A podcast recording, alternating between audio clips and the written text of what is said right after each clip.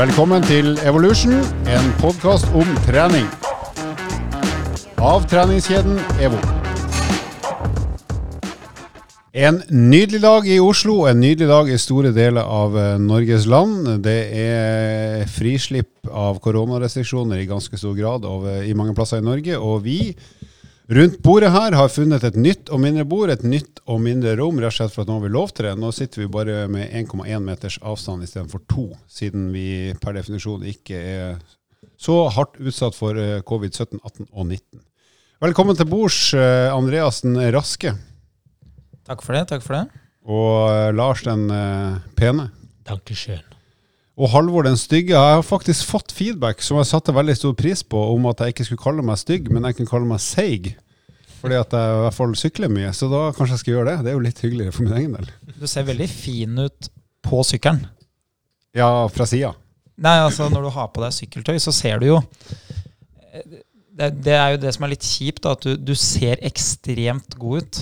Som bryter litt med mine prinsipper, og det er jo å se litt sånn dårlig ut og prestere bra. Ja, bli undervurdert. Ja, nei, jeg, Akkurat på sykkel så har jeg faktisk lagt vekt på at det skal være stilrent. Og det er jo for at jeg ble mobba så mye det første året jeg sykla, fordi at jeg ikke fulgte stilvettreglene med litt forskjellige sokkefarger og drikkesekk på ryggen og alle de tingene man ikke skal gjøre. Jeg har jo stått på start i enkelte puljer på Birken med mennesker som har dyrere sykkel enn jeg kom kjørende i bil. Slo dem for det. Ja, ikke sant?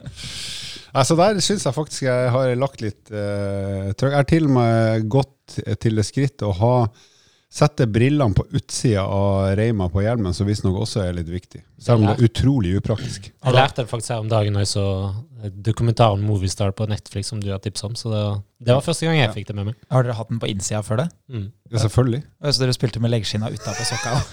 Det er litt som, en, ja, det, som er dumt da, det som er dumt da, når du har det på utsida, når du tar av deg hjelmen og glemmer at brillene henger utafor, så ramler jo brillene. Det har jo skjedd meg til stadighet. Ja, men Brillene skal jo opp på hjelmen før hjelmen skal av. Det har jeg ikke lært meg ennå. Har ikke du vært i Forsvaret? Du må jo kunne drill. Ja, jeg, Ta på deg buksa før Jeg har litt å gå på. Det ser bra ut helt til hjelmen skal av. Jeg skal si ifra den dagen du kommer med bokseren utapå olabuksa. Jeg har ikke bokser. Nei, kanskje det er det som redder Digresjon om uh, leggskinn. Jeg debuterte faktisk i tredjedivisjon med leggskinner på utsida. Jeg rakk ikke ta de på meg. det var den gangen vi hadde sånn sokk rundt ankelen på leggskinner. Der uh, debuterte jeg. Måtte kaste meg inn fra, fra benken i en alder av 16 år med leggskinner på utsida av sokkene. Jeg hadde, jeg hadde en, eh, en, lagkompis en gang som hadde glemt leggskinna. Han hadde bare én, og uh, dommerne var så utrolig strenge på det, så enten ble du sendt av, eller så fikk du gult kort. Så han tok en vaffel fra kiosken ut av, ut av sokken. Det var sikkert digg etterpå. Det lukter godt, det. Å, fy fader. Vi eh, har jo annonsert tidligere at du er i ferd med å bli far, Andreas. Og det, ikke, det er jo enda et steg nærmere nå, får vi anta. Hvis ikke den ungen der skal ruges i et par år. Så uh, i den forbindelse så tenkte vi, vi tror det er ganske nært forestående, så uh, vi tenkte vi skulle uh, gi deg noen gode tips på veien i farsrollen. Jeg, jeg, jeg, jeg, jeg, har jo vært far, jeg er jo faktisk det enda.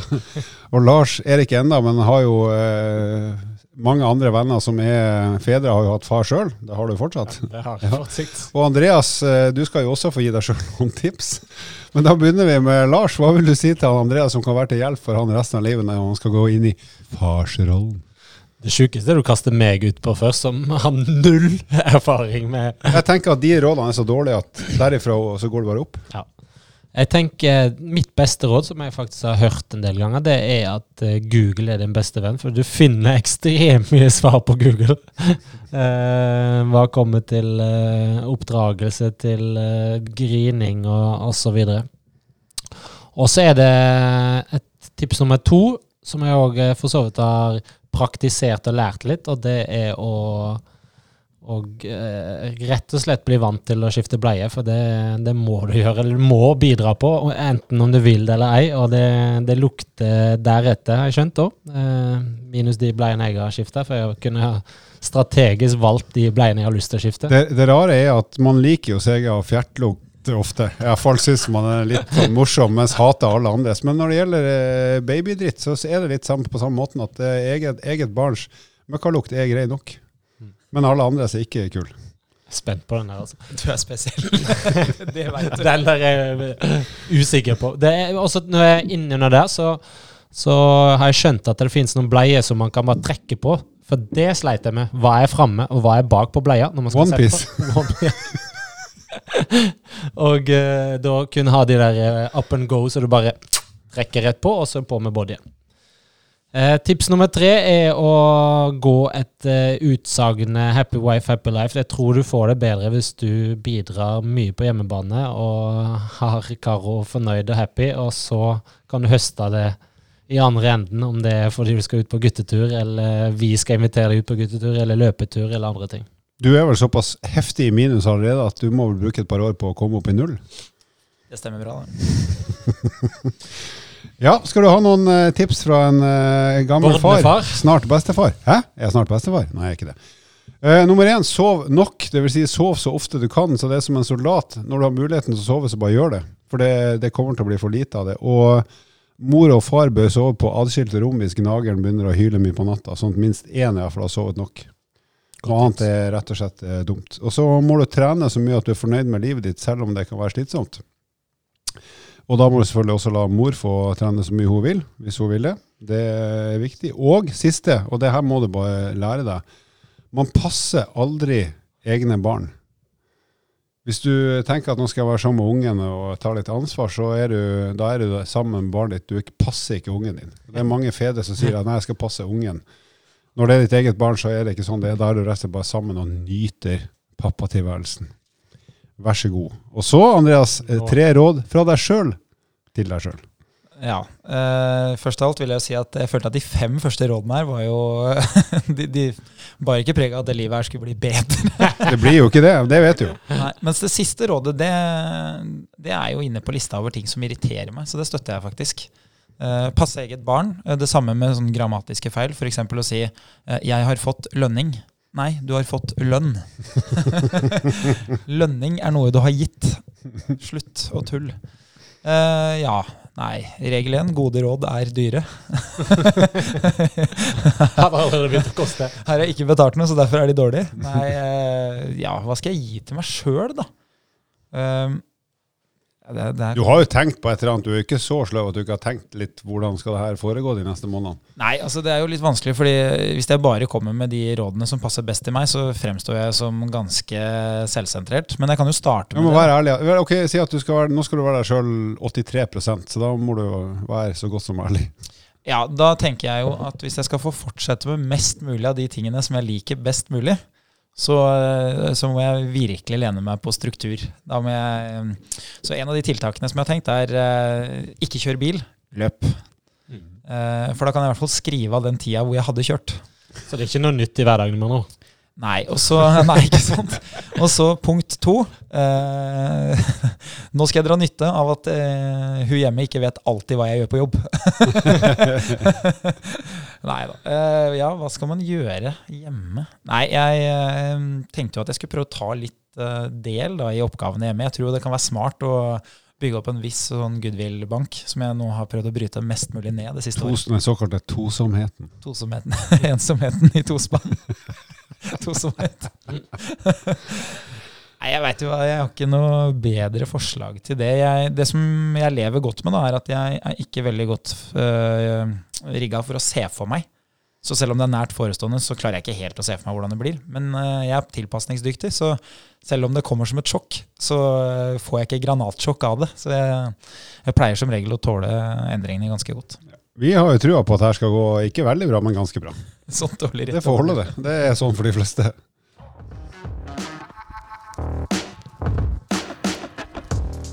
I dag skal vi ta utgangspunkt i et forskningsprosjekt som nettopp er publisert fra Norges idrettshøgskole. og Det prosjektet har gått over flere år. De har sett på hva er det som kjennetegner mennesker som ønsker å begynne å trene, primært da på treningssenteret i den studien her. og hvordan går det med de gjennom et sånn tolvmånedersløp? Uh, og den er publisert uh, ja, for bare noen få dager siden. Og forskerne som står bak det, det er Kristina Gjestvang, Frank Abrahamsen, Trine Stensrud og Lene Hogstad. Fire meget dyktige folk på um, idrettshøyskolen, som også flere av de jobber i bransjen og har jobba der lenge. Så hvis vi skal, Nå skal jeg begynne med å rett og slett uh, si litt sånn, et kort referat av det de har funnet ut. Og så skal vi prøve å se om det er noen uh, informasjon vi kan trekke ut her som kan være til hjelp til uh, de som har lyst til å begynne, eller som allerede er i gang, eller som kanskje har droppa ut før og har lyst til å prøve på nytt, men kanskje med litt bedre utgangspunkt for å kunne treffe på å etablere en treningsvane. Så det de gjorde, da, de har eh, kort oppsummert eh, fulgt 250 mennesker, henholdsvis eh, kvinner og menn, i, sånn ganske jevnt fordelt, med en snittalder på 36 år. Så har de fulgt i et helt år etter innmelding på et treningssenter, og de har akkurat meldt seg inn på et treningssenter. Så de, alle de her som var med, har meldt seg inn maks fire uker eh, etter innmelding har de blitt med i studien. Så det er ingen av de her som har vært eh, medlemmer i årevis på et treningssenter. Det er førstegangsmedlemmer. Eh, de ble fulgt opp da med masse spørsmål etter både tre, seks, ni og tolv måneder. Og de har trent på treningssenter som er det vi kan kalle fullsortimentsenter, altså både med gruppetrening, personlig trening og komplett treningsstudio med styrke- og kondisjonsutstyr. Eh, og så har de da prøvd å funnet ut hva er det som kjennetegner de av de menneskene her som klarer å etablere en treningsvane. Og med en treningsvane så har de sagt at da trener du i snitt i hvert fall to ganger i uka. Over et helt år, helst. Men de har også da målt om folk ramler inn og ut av den rytmen i løpet av de tremånederssekvensene som de har eh, fulgt opp. Og veldig veldig kort oppsummert, for det er masse informasjon her som vi ikke skal gå i dybden på, men så ser de at etter uh, tolv måneder så er det 86% som fortsatt er medlem på det treningssenteret de meldte seg inn på. Som ikke er så overraskende i og med at det har vært tolv måneders bindingstid på nesten alle sammen, så det, det gir mening. Men det er 17% bare 17% som har klart å trene regelmessig, altså i snitt to ganger i uka eller mer, i samfulle tolv måneder. Enkelte sånne kvartaler har det vært litt mer, og andre litt mindre, men, men det er liksom de som har på en måte klart å trene jevnt og trutt gjennom hele perioden. Uh, og det er jo interessant å lese om, og så er det interessant for oss rundt bordet å tenke hvordan stemmer det med det vi har opplevd og sett gjennom mange år, både i bransjen og med folk vi kjenner og folk vi har trent. Eh, den her bøygen med å komme i gang, og når du har kommet i gang, klare å få det til å bli noe du gjør bestandig. eh, ikke bare bitte lite grann, og så er det slutt. Så hvis eh, vi begynner med den pene av oss, eh, Lars, hva tenker du rundt det her at eh, bare 17% har på en måte klart å etablere en vane gjennom det året? For det første så er det jo et veldig lavt tall. Egentlig ikke overraskende for oss som har sett det meste gjennom de siste 10-15 årene i bransjen. Og vi har òg jobba i ulike deler av bransjen. Vil si, dette er et fullt sortimentssenter hvor det er bindingstid, mens vi jobber nå i EVO hvor det er litt andre eh, goder i forhold til ingen bindingstid og den andre åpningstider. Men det som jeg tenker kan være en, eller som en gjenganger i forhold til de man har sett og opplevd og kanskje hatt som PT-kunder, er at de er som oftest veldig motiverte i starten, eh, men når man ikke lykkes, enten i forhold til egne målsetninger eller forventninger, så, eh, så detter på en måte den regelmessigheten og hyppigheten av antall økter per uke, per måned, per kvartal, den synker veldig fort. Og eh, det har man jo jobba mye med, som, spesielt med PT-kunder, hvor dette er, kall det enkelt å følge, fordi man eh, bryter ned målene, f.eks. Setter seg for høye mål, og kanskje da endrer litt på målsetningen underveis, fordi man ser at man når målsetninger, eller kanskje ikke når målsetningene, og da klarer å holde oppe motivasjonen litt bedre. Det, det, jeg kan uh, ha lest en del fra studier i utlandet, også, som, og som jeg også har mange tall på fra bransjen i Norge, det er jo det her med Hvis du tar det typiske medlemmet som har meldt seg inn, og som er gira, som du sier, og, og, virkelig skal gå i gang, om det er januar eller mai eller når som helst, begynner med friskt mot, og så ser vi at allerede etter uh, to til tre til fire uker, altså innen en måned, så er treningsfrekvensen på vei ned, kanskje ned i null hos veldig mange av de som har meldt seg inn. Og det er litt for at du går ut litt med overtenning, og så har du ikke helt tatt inn over deg hva skal til for at det her skal gå bra over tid. Og så ser vi at enda flere ramler ut de neste fire ukene. Og enda flere etter det ramler ut i løpet av de første tre månedene. Så liksom fra, hvis du har 100 eh, som har meldt seg inn, alle, alle i, en, i en populasjon som har meldt seg inn, så vil veldig mange falle fra allerede etter fire uker, og deretter åtte uker, og så tolv uker. Og så er det Den neste bøygen er ofte, hvis du kommer deg gjennom tre måneder, som ganske mange gjør, over halvparten gjør fort det de første tre månedene, så kommer det alltid en ferie- eller fritidsperiode i Norge. Du har enten eh, vinterferie eller sommerferie eller høstferie eller juleferie. sånn at det, det, å komme i gang igjen, eller til og med å holde i gang i en sånn ferie-fritidsperiode, er en stor bøyg for mange. Så etter en sånn er det ofte også en sånn dropp i forhold til at folk ikke kommer seg tilbake igjen til den vanen de har begynt å etablere. Mm. Og så ser vi jo i f.eks. Levo, hvor vi har veldig gode, dyktige personlige trenere. Så de som eh, kommer i gang med personlig trening eh, i starten, i en startfase, etablerer som oftest bedre vaner, og som er vaner som er, er fruktbare, og da varer over litt lengre tid, fordi man har noen som følger seg. Så et godt tips der er enten å bruke en treningsfaglig person som en personlig trener, eventuelt alliere seg med noen som man eh, forplikte seg til å møte opp på trening. Veldig veldig enkelt sagt, og da trene sammen både i forhold til det sosiale som vi skal eh, Altså den sosiale støtten, familie, venner, eh, som vi òg ser i forskning her, har ganske mye å si i forhold til det å lykkes. Ja, og I den studien her så ser de jo at eh, deltakerne har jo scora både gruppetrening høyt i forhold til at de er fornøyd med den tjenesten, og også PT høyt.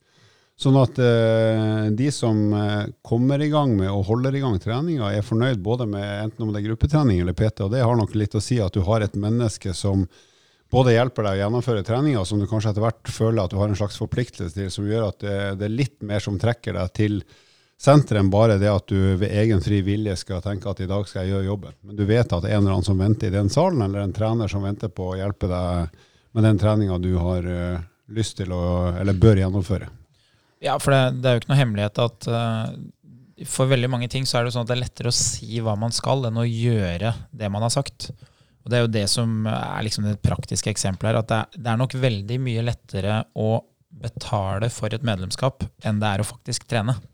Så Derfor så, så vil nok uh, ganske mange egentlig ha meldt seg inn på et treningssenter på ganske tynt grunnlag, hvis man ser på hvilken gjennomgang og plan har du gjort? Uh, hvilket forarbeid har du gjort for å lykkes med trening?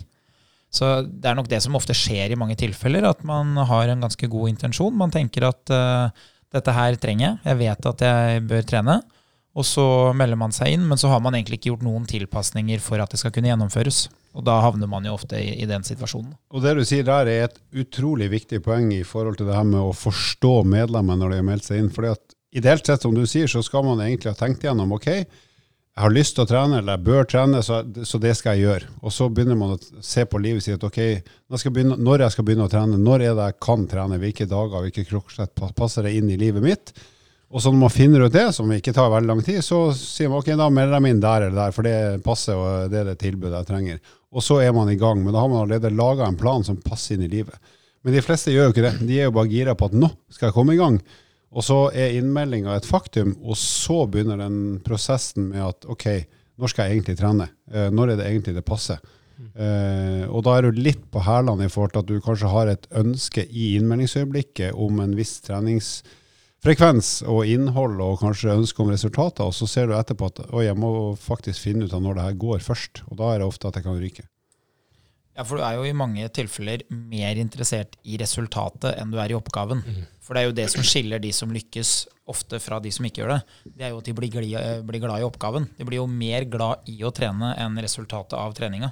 Så det vil nok være vanskelig å få alle til å lykkes, fordi de fleste er, de er ikke godt nok forberedt på hva som egentlig venter de da.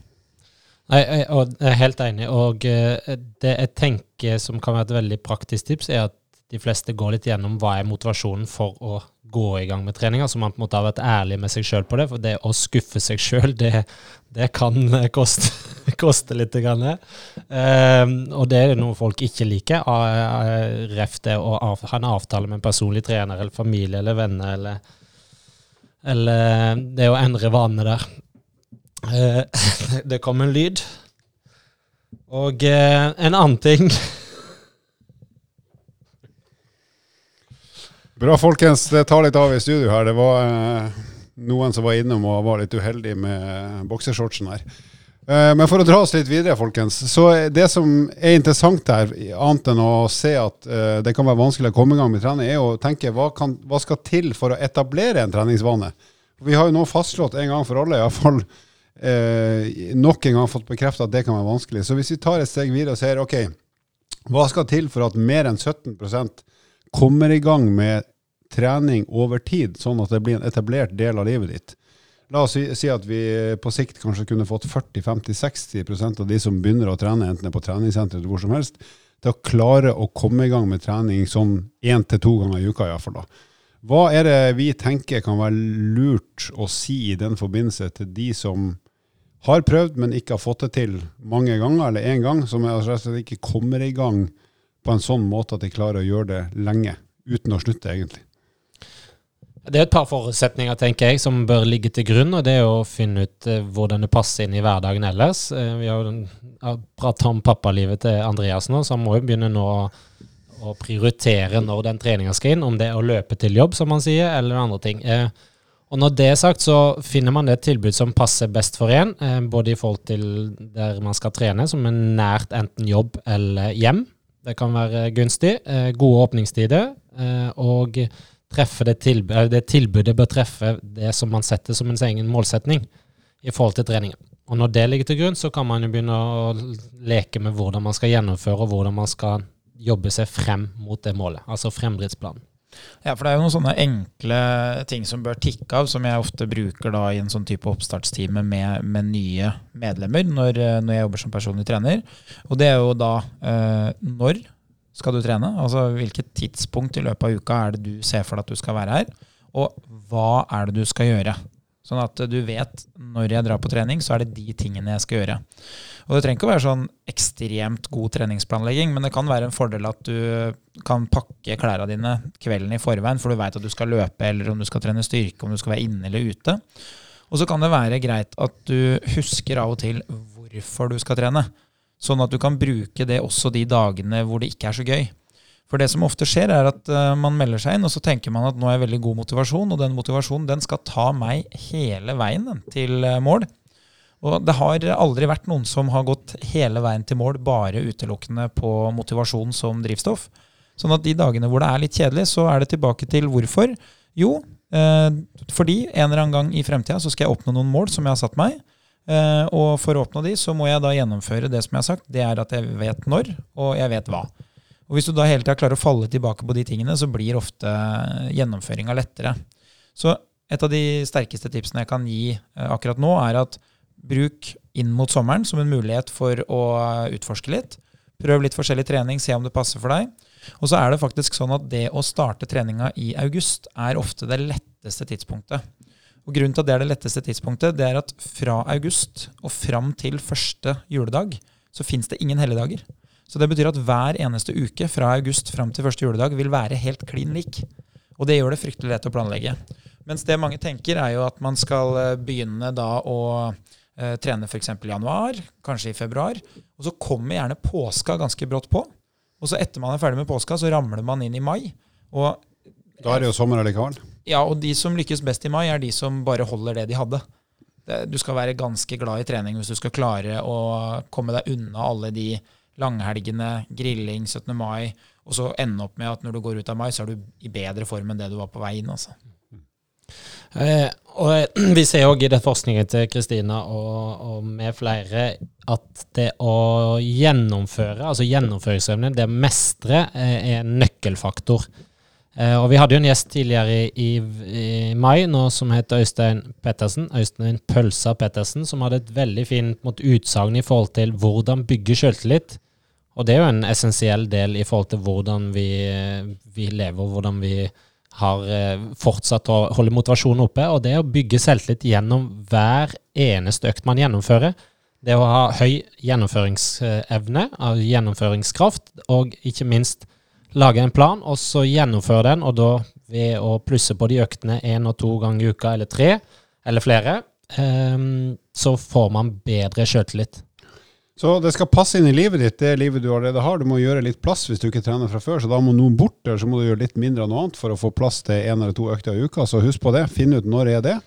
Og så er det i forhold til mestring, så er det jo et tips, og hvis du har vært, eh, gjort ting før, om det er jogging, sykling, styrketrening, hva som helst, som du har fått til, eller til og med likt, så er det ofte lurt å begynne med det. Ting som du vet at du faktisk får til, altså som du mestrer bevegelsesmessig. Eh, som kan være et tips. Eh, at du begynner med det som du vet at det her kan jeg, det her kan jeg på et eller annet vis. Og så er det jo ikke alltid gøy å trene, som du snakker om, Andreas, at det må gjennomføres. Eh, så ikke forvent at hver økt er sånn at du kommer til å le deg i hjel, for det skjer ikke. Men du kommer til å ha ganske gode og veldig gode opplevelser både underveis og spesielt etterpå, når du kjenner at det her begynner å fungere på kroppen din og humøret. Og så er jo mitt tips i forhold til ferie og friperioder, det er jo at bruk nå ferie og friperioder til å opprettholde vanen. Det betyr ikke at du skal trene knallhardt to ganger i uka når du er på ferie, men hold deg i litt uh, hverdagsaktivitet når du har fri, for da har du mer tid til å gjøre alt. Så om du setter deg 30 minutter og beveger deg litt, så vil du kjenne at jeg har ikke slutta, jeg holder på, selv om jeg tilpasser i forhold til at jeg har lyst til å slappe av. Det, det, er jo en ting som jeg i hvert fall har observert hos de aller, aller fleste. Det er jo at uh, den motivasjonen som skapes underveis, uh, og den uh, inspirasjonen og gleden for å trene, den kommer veldig sjelden av ren underholdning. Som de fleste tror at de skal kunne oppleve. ikke sant? At jeg skal synes at det er mer morsomt å trene enn å gjøre andre ting. Men sannheten er jo at det som ofte blir motivasjonsgrunnlaget, som du sier, Alvor, da, når du har kommet til et visst punkt, så begynner du å innse at vet du hva, jeg er faktisk egentlig ganske god til å få til det jeg ønsker å få til. Og så blir eh, motivasjonen din at hvis jeg ser på hva jeg selv har gjort de siste tre ukene, siste tre månedene, siste halve året, så er det det som gir meg motivasjon til å fortsette. At jeg faktisk får til de tingene. Mens det å få den der rene underholdningsverdien eh, sammenligna med å gjøre andre morsomme ting, den opplever ikke jeg i hvert fall veldig ofte. Men det jeg kjenner på, er jo at jeg er ekstremt god til en del av de tingene som jeg vil være god til. Og det gir meg motivasjon til å gjøre det mer. Ja, Så en løpetur for deg er ikke morsommere enn eh, gin tonic og sigarillos? Nei. Det, hvis jeg skulle vært Tenk å kombinere det. ja. Nei, jeg, jeg, tenker jo av og til at det hadde jo vært fryktelig deilig å brukt tid på ting som jeg kunne virkelig ha tenkt meg å bruke tida på hele tida. Men da tenker jeg også at på et eller annet tidspunkt så tror jeg ganske kjapt jeg ville ha gjort de tingene og tenkt jeg burde ha gjort mer av det andre. Mm. Så derfor så, så, tror jeg at den balansegangen av å gjøre ting som jeg vet er bra for meg, som jeg er flink til å gjøre, og det å av og til tillate seg å gjøre ting som du bare har lyst til å gjøre, det, det tror jeg gir det beste utgangspunktet. Så det, jeg pleier å si at det er bedre å være i bra form og avstå fra en del av de tingene som er morsomt, enn å gjøre bare de tingene som er morsomt, og hele tida føle dårlig samvittighet for at jeg vet at det her ikke er bra for meg, og jeg får mange indikasjoner på at det her er egentlig ikke veldig gunstig, men jeg bare velger å fortsette fordi det går sikkert greit. da. Mm. Eh, og fra treneren Lars så kommer jeg med et litt sånn praktisk tips i forhold til å endre treningsvaner. Det er å bruke eh, treningsapplikasjoner, som bare rett veldig konkret. Nå i den tida vi går inn i nå, så er det ganske moro å følge med på det man har gjort tidligere. Både for å sammenligne, men òg for å justere eventuelt. Eh, og Strava har vi nevnt i mange episoder, som er et veldig fint verktøy for de som ønsker å trene litt kondisjon, eller gåturer, eller løpeturer, eller sykkelturer. Og i den tida og årstida vi er inne i nå, så er jo det veldig eh, ja, mange som bruker det som aktivitetsform. Så det å, å, rett og slett registrere og monitorere sin egen trening kan være smart i forhold til å opparbeide seg gode treningsvaner. Man pleier jo ofte å si sant, at uh, de beste skolene er jo gjerne sånn litt russisk uh, mentalitet, hvor alle elevene gjennomfører det man vet man skal gjøre. Og uh, veldig ofte så ser man jo at disiplin er liksom det man tilegner toppidrettsutøvere. Struktur, altså en del av de kjerneverdiene for at ting skal gå i takt. da. Så uh, veldig ofte når jeg da har nye uh, PT-kunder, så pleier jeg å si til dem at vi må nok innse at vi må ta ansvar, og vi må ha kontroll. Men vi kan godt på sikt tillate at vi kan variere og skape tilfeldigheter. Men i starten så er ikke det ofte den mest hensiktsmessige måten å jobbe på. Så det de ofte lurer på, da, er hvor lenge må jeg være i det harde regimet før jeg liksom begynner å kjenne på at det er greit? Og der har nok de fleste en forventning om at dette kommer til å bli dritt lenge. Men det trenger ikke å være det. Min erfaring er at hvis du bare går ned til en måned og sier at ok, nå har jeg foran meg juni, i hele juni, det vil da mest sannsynlig, sånn som det er nå, ikke sant, være fire hele uker. I hele juni så skal jeg sette av trening mandag kveld, torsdag kveld Og så skal jeg lørdag formiddag gå en lang tur eller jogge, avhengig av form, da, eller sykkel eller et eller annet som er morsomt. Og Hvis du klarer da, når du står i overgangen til juli, å se deg tilbake og si ok, her har jeg gjennomført minimum tolv treningsøkter, da vil du både sitte med følelsen av at jeg klarer faktisk å få til de tingene jeg ønsker meg, og så har du kommet langt nok til at du skal få lov til å ta valget. Hvordan tenker jeg at jeg skal planlegge videre basert på de tingene jeg har gjennomført? Og det som er erfaringa mi da, det er at basert på å ha en så streng disiplin og eh, egentlig da en sterk gjennomføringsevne, for det er det som er det som skjer, da, så velger de fleste å si jeg ønsker å fortsette med det jeg har gjort, det, for det fungerer jo ganske greit. Og det som ofte er lettest, er ingen endring. Hvis du bare fortsetter med det du har gjort nå, så kommer det til å bli bra. Og det kommer ikke til å prege hverdagen din nevneverdig, for du har jo allerede gjort det i én måned. Ja, for nå passer det inn i totalen. Ikke sant? Mens det de mange som bommer gjør, da, det er jo at de, de starter kanskje ut med å velge fem ganger i uka, som gir et veldig godt utgangspunkt etter én måned, for du har jo trent veldig mye. Men det er jo ingen som har den tida tilgjengelig hvis de ikke hadde fem kvelder i uka fra før. Så det som skjer da, er at når de kommer fram til den stasjonen hvor de skal få velge hva de skal gjøre framover, så tenker de jo ofte at jeg vil jo ha resultatet av fem ganger i uka, så jeg kjører på med det. Men det er egentlig ikke bærekraftig, og så blir det fort null da når det begynner å bli litt uh, motstand. Mm. Og trening er ferskvare, så da går resultatet også fort ned mot null igjen, eh, dessverre. Hadde vi ennå kunnet lagre treningseffekten, så hadde jo jeg i hvert fall vært veldig muskuløs. Og i veldig god kondisform. Ja, det hadde vært, uh, vært bra, det, tror jeg faktisk. Det som er oppsummert av nøkkelfaktorene som forskerne har identifisert for å lykkes, er, vi har vært inne på alle sammen, men vi skal oppsummere de kjapt. Det er jo nummer én at du på en eller annen måte liker det du gjør. Uh, altså Enten at du syns det rett og slett er gøy, eller at du får en mestringsevne. Altså et eller annet, En følelse ved aktiviteten som du setter pris på. Og så er det nummer to, det er mestring og i den forstand gjennomføringsevne. At du får til det du har satt deg som mål. og den den selvfølelsen du får, og den mestringsfølelsen du får av det, er, nok til å dra deg gjennom. Første måned, og så neste måned, og så er du i gang. Og så er det den siste, og det er jo sosial støtte. Altså at du har, en, eh, har venner eller familie eller andre som du eh, forholder deg til ofte, som gir deg muligheten til å ta deg tid til å trene, og som også backer deg i forhold til det livsstilsvalget du har gjort. At du ikke blir motarbeida på hjemmebane og får blir møtt av folk som sutter for at du faktisk stikker av en eh, torsdag ettermiddag for å ta deg en gå- eller joggetur istedenfor å sitte hjemme og se på TV. Så de tre faktorene der ser ut til å være de som er fellesnevnerne for de som har lykkes best i det studiet her. Og det stemmer jo veldig godt overens med det vi, eh, det vi ser ellers i Norge og verden også. Da, apropos, eh, Nå skal jeg bare ta en liten usaklighet, men du snakka litt om å planlegge sånn ta, ta, Pakke bagen dagen før du skal i bevegelse. Og da snakka du om å finne fram løpetøy, men også styrkeklær. Så da er jeg litt interessert i å vite hva, hva er det du pakker i bagen når du skal trene styrketrening? Andreas? Ja, jo, For jeg har ikke noe eget styrketøy. Nei, det, det er, har du ikke lagt merke til det? Jeg har jo lagd en egen regel for meg selv, og det er jo at styrketrening det skal holde så lav intensitet at jeg kan trene i bukse. Det ja, det er sånn Dongerie-bukse? Dongerie. Mr. Louis from Dongerie Land. Nei, så jeg, et, uh, mobil og, og, bukse, langbukser, det er kriteriet. Og grunnen til det, det er fordi at uh, jeg har jo trent styrke i veldig mange år, hvor det på en måte var det, det viktigste. Men så når jeg da begynte å løpe veldig mye, så blei det jo hensiktsmessig å ikke veie så mye. Mm. Så derfor så blei det mye mindre styrketrening. Så for å nå klare å gjennomføre de styrkeøktene, så må de ha så høy grad av trivsel. Og jeg må på forhånd vite at det her sklir ikke ut og blir knallhardt. Så derfor langbukse og mobiltelefon. Men da blir det gjennomført. Det nice. Apropos styrketrening, som ikke har noe med saken å gjøre, men jeg, nå, jeg er nå oppe i 82,5 kg på vei til 10 ganger 100 reps i knebøy. 100 kilo, 10 ganger 100 kilo knebøy. Så det er et stykke igjen, men jeg er på vei. Det er seks måneder igjen. Seks måneder igjen.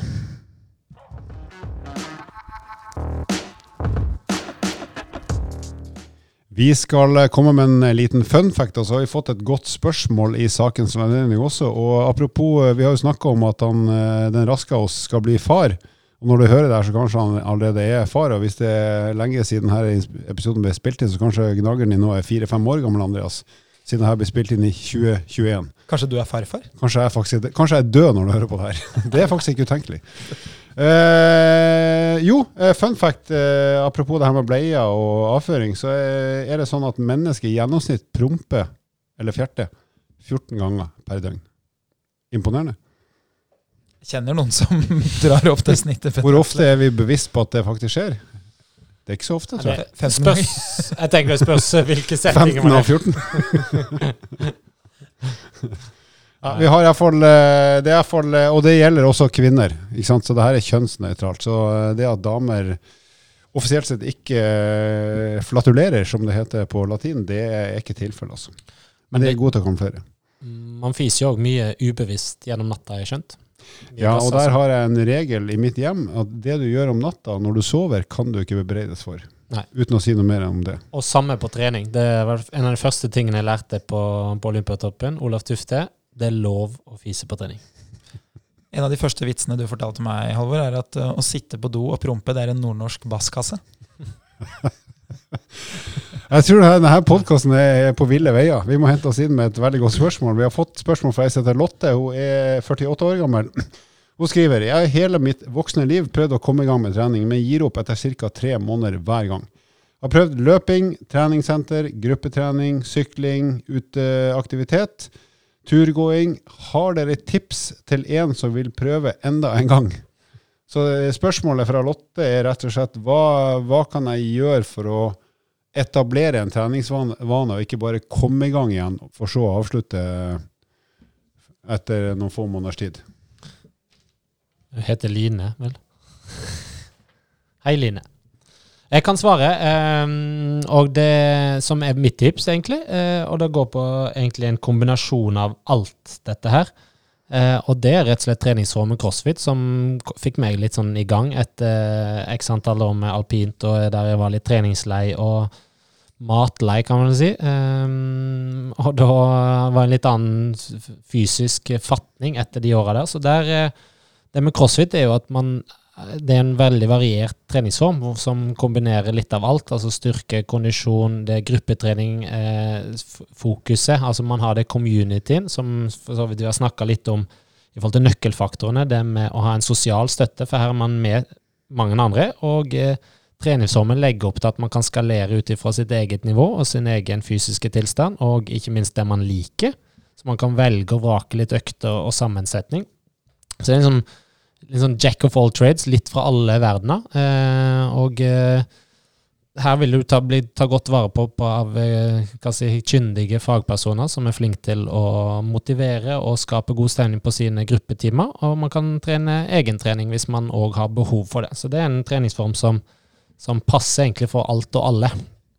Ja, jeg tenker jo hvis man begynner å liksom miste litt piffen etter tre måneder, så ville jeg tenkt at et eller annet sted på vei eh, etter én måned, to måneder, så kan man ta litt tak i de tingene som man har gjort, og så prøve å sette seg noen målsetninger for det.